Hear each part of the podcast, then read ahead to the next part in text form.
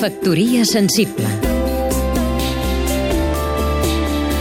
Ignasi Vidal Folk, escriptor i periodista cultural.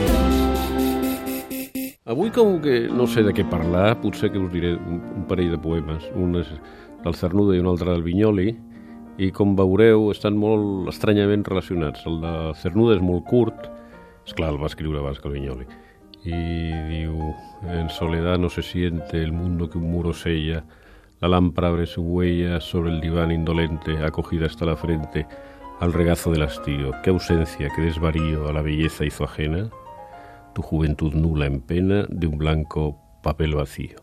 I l'altre és el Vinyoli, que té un altre taranac, però parla del mateix, com us deia. Diu, acabada ja la vida a qui, a qui sem bé inafrat, he sentit una gran crida que benaurant-se convida per un camí no fressat.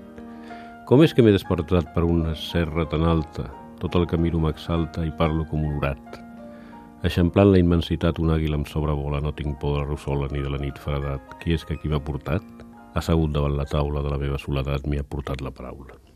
T'adones que els dos poemes parlen del mateix, diuen el mateix, el de Cernuda en versió negativa i el, i el de Vinyoli en versió positiva, sobre el poder de la paraula, de la paraula poètica com a creadora de realitat, com a creadora de vida, de, de plenitud. El Vinyoli tenia molts versos sobre aquesta convicció.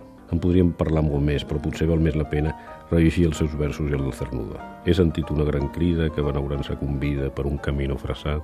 Com és que aquí m'he despertat a una serra tan alta, tot el camí m'exalta i parlo com un orat. Factoria sensible Seguim-nos també a catradio.cat